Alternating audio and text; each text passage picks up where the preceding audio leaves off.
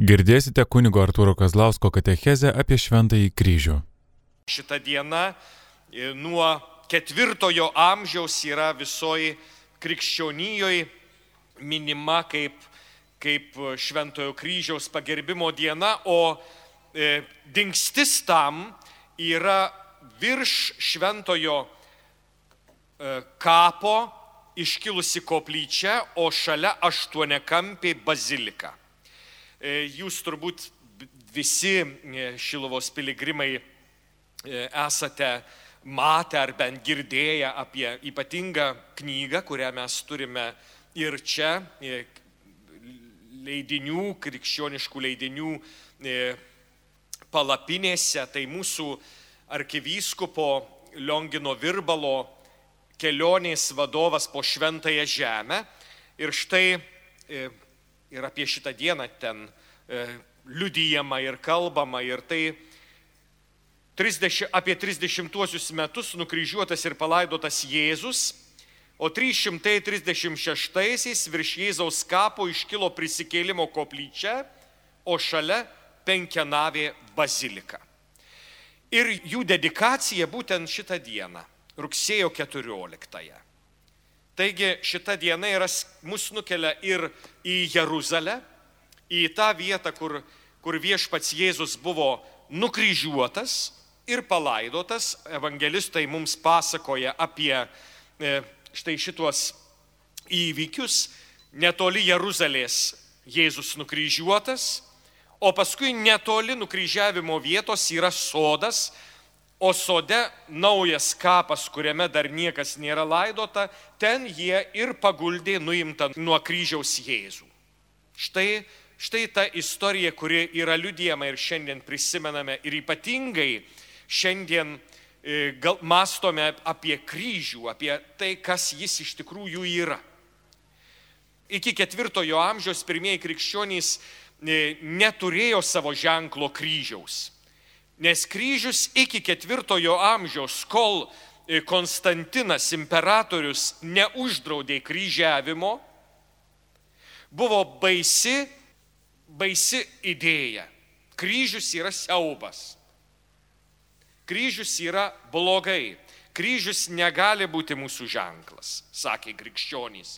Bet štai ketvirtajame amžiuje uždraustas kryžiavimas e, Romos imperijoje ir krikščionys palaipsniui, ypatingai paskui, kai imperatorius Konstantino mama nuvyksta į šventąją žemę ir atranda šventąjį kryžių, štai nuo tada ir prasideda e, šventojo kryžiaus ženklo gerbimas. O kas iki tol, kokie ženklai iki tol buvo krikščionių, kol nebuvo kryžiaus? Pavyzdžiui, pintinė duonos žuvys, inkaras, e, balandis su alyvo šakele, gerasis ganytojas, užsidėjęs ant pečių avį. Štai krikščionių ženklai. Arba e, aliejaus žibintas. Štai krikščionių ženklai, kurie ir šiandien yra. Mes Lietuvoje e, labai vėlai perėmam įvairius šitos krikščioniškus ženklus ir jie mums netapo kažkuo ypatingu. Aš manau, kad jūs visi esate matę e, iš Vokietijos parvarytus automobilius. Ir šiandien beveik nei vienam nekyla klausimas, kodėl ant e, automobilio yra žuvies ženklas. Tai dauguma anksčiau galvojo, kad tai yra na, žinot, zodijako ženklas ir kad vairuotojas ten yra žuvis. Bet iš tikrųjų tai yra krikščionių senasis ženklas, kuris sako Jėzus Nazarietis, žydų karalius gelbėtojas. Graikiškai ichtūs, Jėzus Kristus, e, teos usijus soter. Sako, kad panašiai taip skamba. Ir pirmosios raidės ichtūs žuvis. Štai todėl ta žuvis. Bet nuo ketvirtojo amžiaus krikščionys turi kryžių kaip savo ženklą, palaipsniui jis aišku prigyja ne iš karto. Ir pirmieji kryžiai yra garbingi kryžiai, tai yra kryžiai pagaminti iš tauriųjų metalų, su brangiais akmenimis, e, garbingi kryžiai, kurie sako, kryžius neša vaisius, kryžius skelbia prisikeilimą. Ir kai mes šiandien žiūrime į kryžių, mes turime matyti prisikeilimą. Kiekvienas kryžius skelbia prisikeilimą. Pradžioje ant kryžiaus nebuvo Jėzaus, e, Jėzaus figūros arba krucifikso nukryžiuotojo, kaip mes šiandien jį vadiname. Pradžioje ant kryžiaus nebuvo nieko. Vėliau pradėtas vaizduoti Kristus ant kryžiaus ir jis pradėtas vaizduoti kaip garbingas, kaip karalius ir kunigas. Ant galvos aukso vainikas, apsirengęs kunigiškais drabužiais, štai nukryžiuotasis, kuris viešpatauja nuo kryžiaus. Tik pranciškonai, kada pranciškonai pradėjo savo veiklą. Štai po pranciškonų įtakos e, mes gaunam Kristų vaizduotą realybėje. O ta realybė tai reiškia kenčiantis, mirštantis arba numiręs.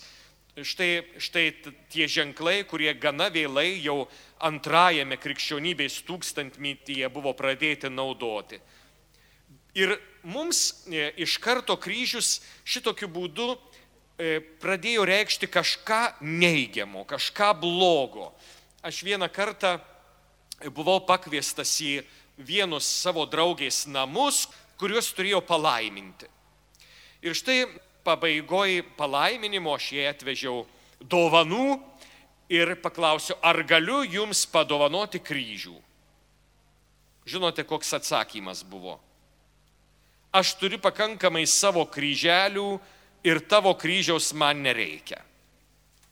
Aš pirmą kartą supratau, kad kai kurie krikščionys kryžių vertina kaip kažką baisaus. Todėl daugybė krikščionių neturi kryžių apskritai, jie nešioja tik tarp, atsiprašant, tarp krūtų dažniausiai, bet namuose, namuose kryžių neturi. Ir tai, ir tai liudyja, kad kryžių jie vertina kaip kai ką neigiamo ir kai ką blogo.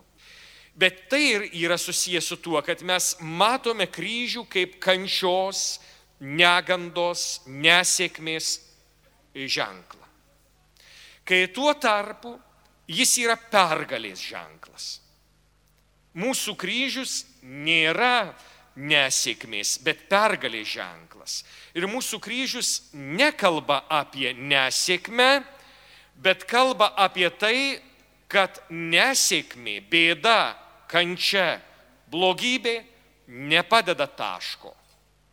Geriausiu atveju kablelį mūsų gyvenime. E, palaimintasis Teofilius yra užrašęs labai svarbų sakinį. Kančia pati savyje žmogų gali sugyvulinti.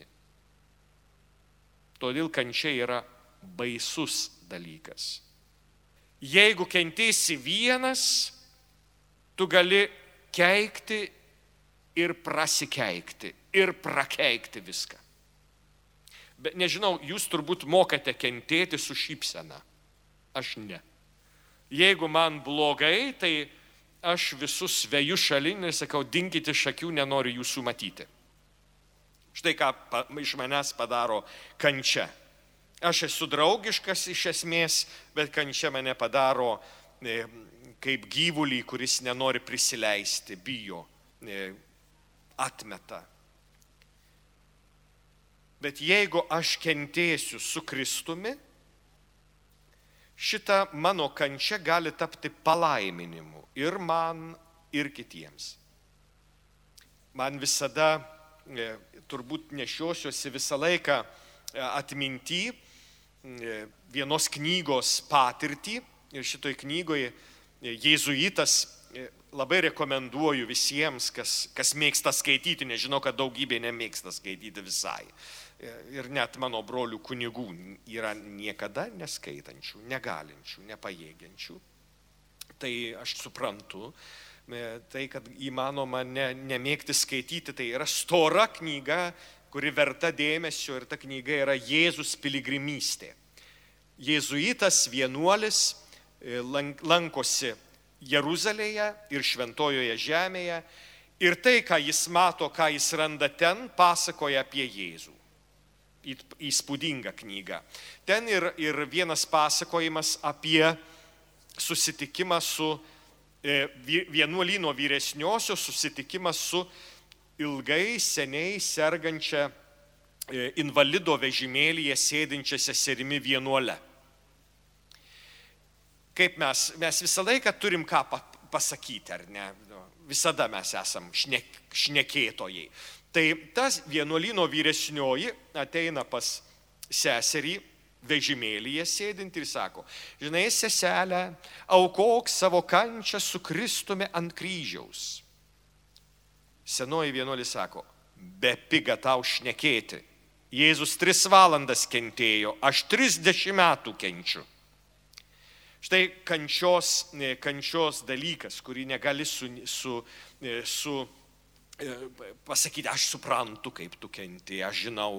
Mes neturime užjausti, sakydami, kad aš suprantu, kaip tu kenti.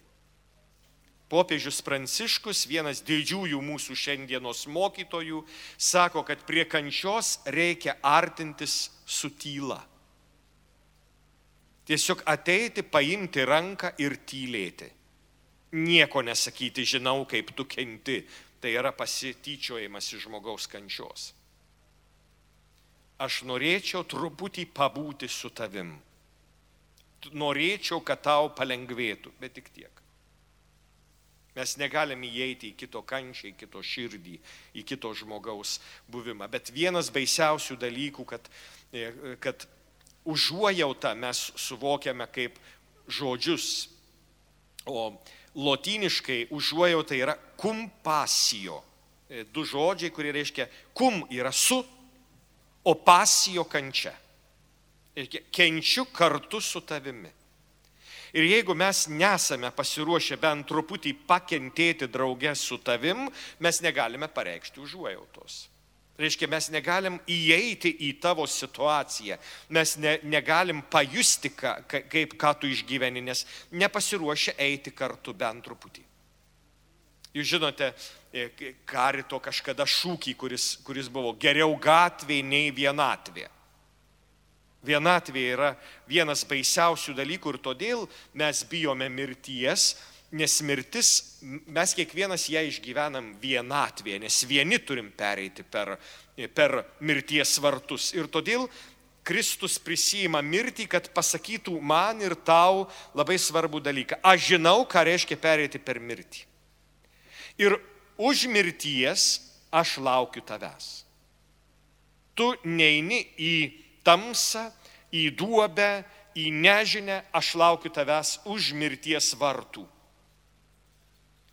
Štai, štai šitas pažadas, kurį mes turim.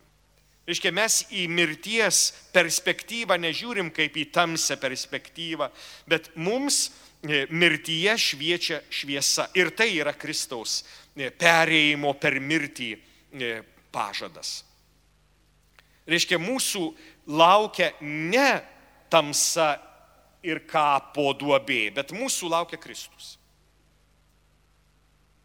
Šiandien daugybė žmonių e, nori e, išvengti gedulo ir todėl pradėta e, tiesiog masiškai savo artimuosius deginti. Kremacija. Čia vienas iš verslo būdų, Šiandien mes melžiamės ir už verslininkus. Tai jie rado gerą verslą.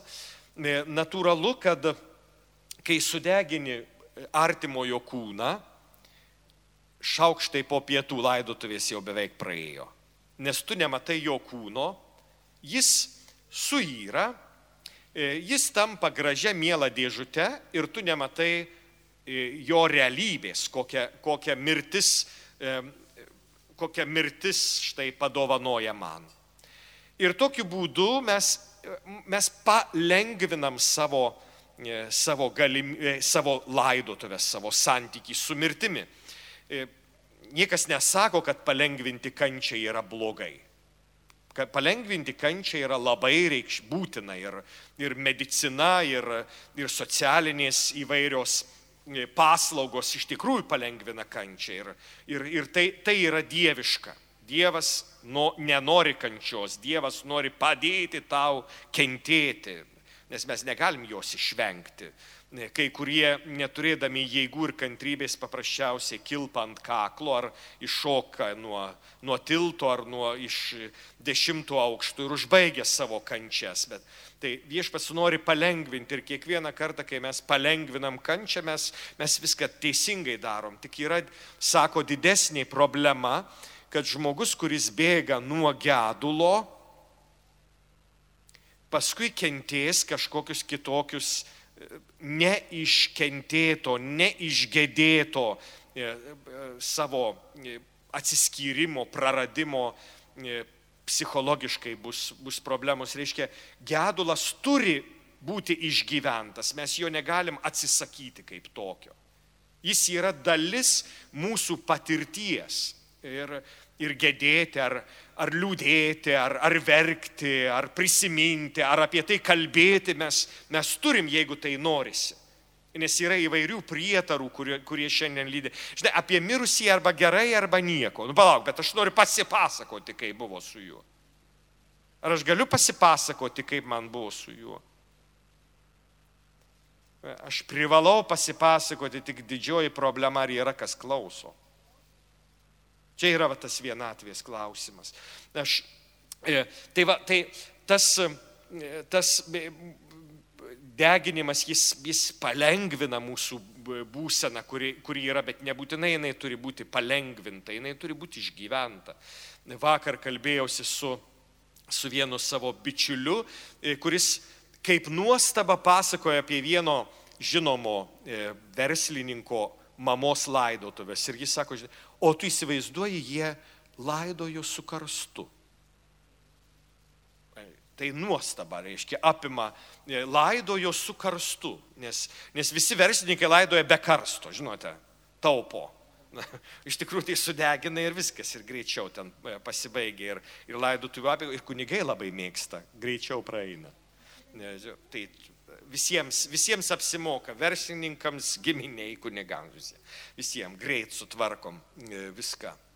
Bet, bet nebūtinai viską reikia greitai sutvarkyti. Arkivyskupas Kestutis priminė, kad mes šiandien per daug bėgam ir, ir sustoti, pabūti, tiesiog pajusti, kad gyvename yra vienas turbūt svarbiausių dalykų, ką mes, ką, ko šiandien trūksta, ko mes neturim, kas, ko reikia. Kristaus kančia ant kryžiaus, štai, štai jinai dovanoja mums naują perspektyvą, žvilgsnį į, į kitą. Ir kai mes žiūrim į Kristų ant kryžiaus, mes žiūrim į prisikėlimą. Kristus ant kryžiaus skelbia prisikėlimą, skelbia ateitį, kurios mes savo kančia, savo lyga, savo ne, nematom. Mes išgyvenam e, sunkumą, ir tas sunkumas neleidžia mums matyti ateities perspektyvos. Tai kryžius iš esmės kelbia, kad perspektyva ir ateitis yra. Šiandien, e, šiandien mes e, čia Šiluvoje e, švesime visuomenės dieną ir pagal sumanimą šitos ypatingos dienos mes šiandien melžiamės su mokslininkais, menininkais, kultūrininkais, žurnalistais, politikais, verslininkais, žemdirbiais. Kas tai per žmonės?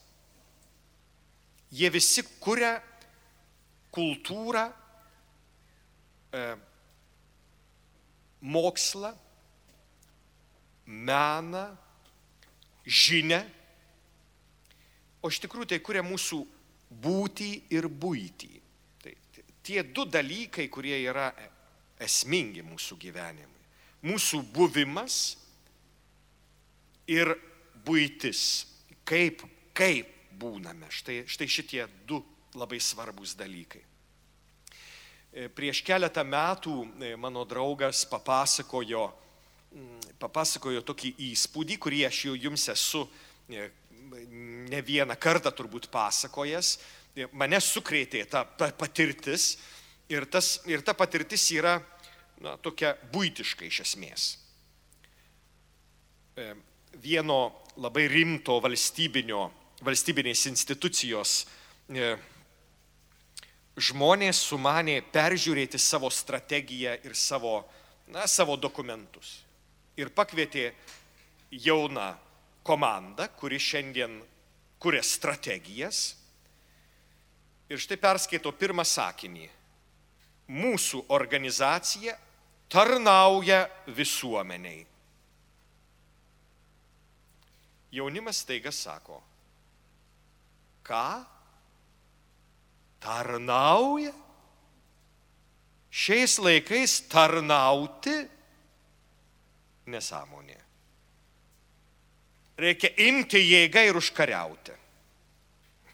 Štai, štai du skirtumas. Ar tarnauti švelniai, kaip tarnauja Dievas, ar imti ir užkariauti, kaip, kaip daro kokie nors, e, kaip čia pasakius. Štai skirtumas. Vienas didžiųjų dalykų, ko moko mus Kristus, tai tarnauti. Jo mirtis ant kryžiaus yra patarnavimas.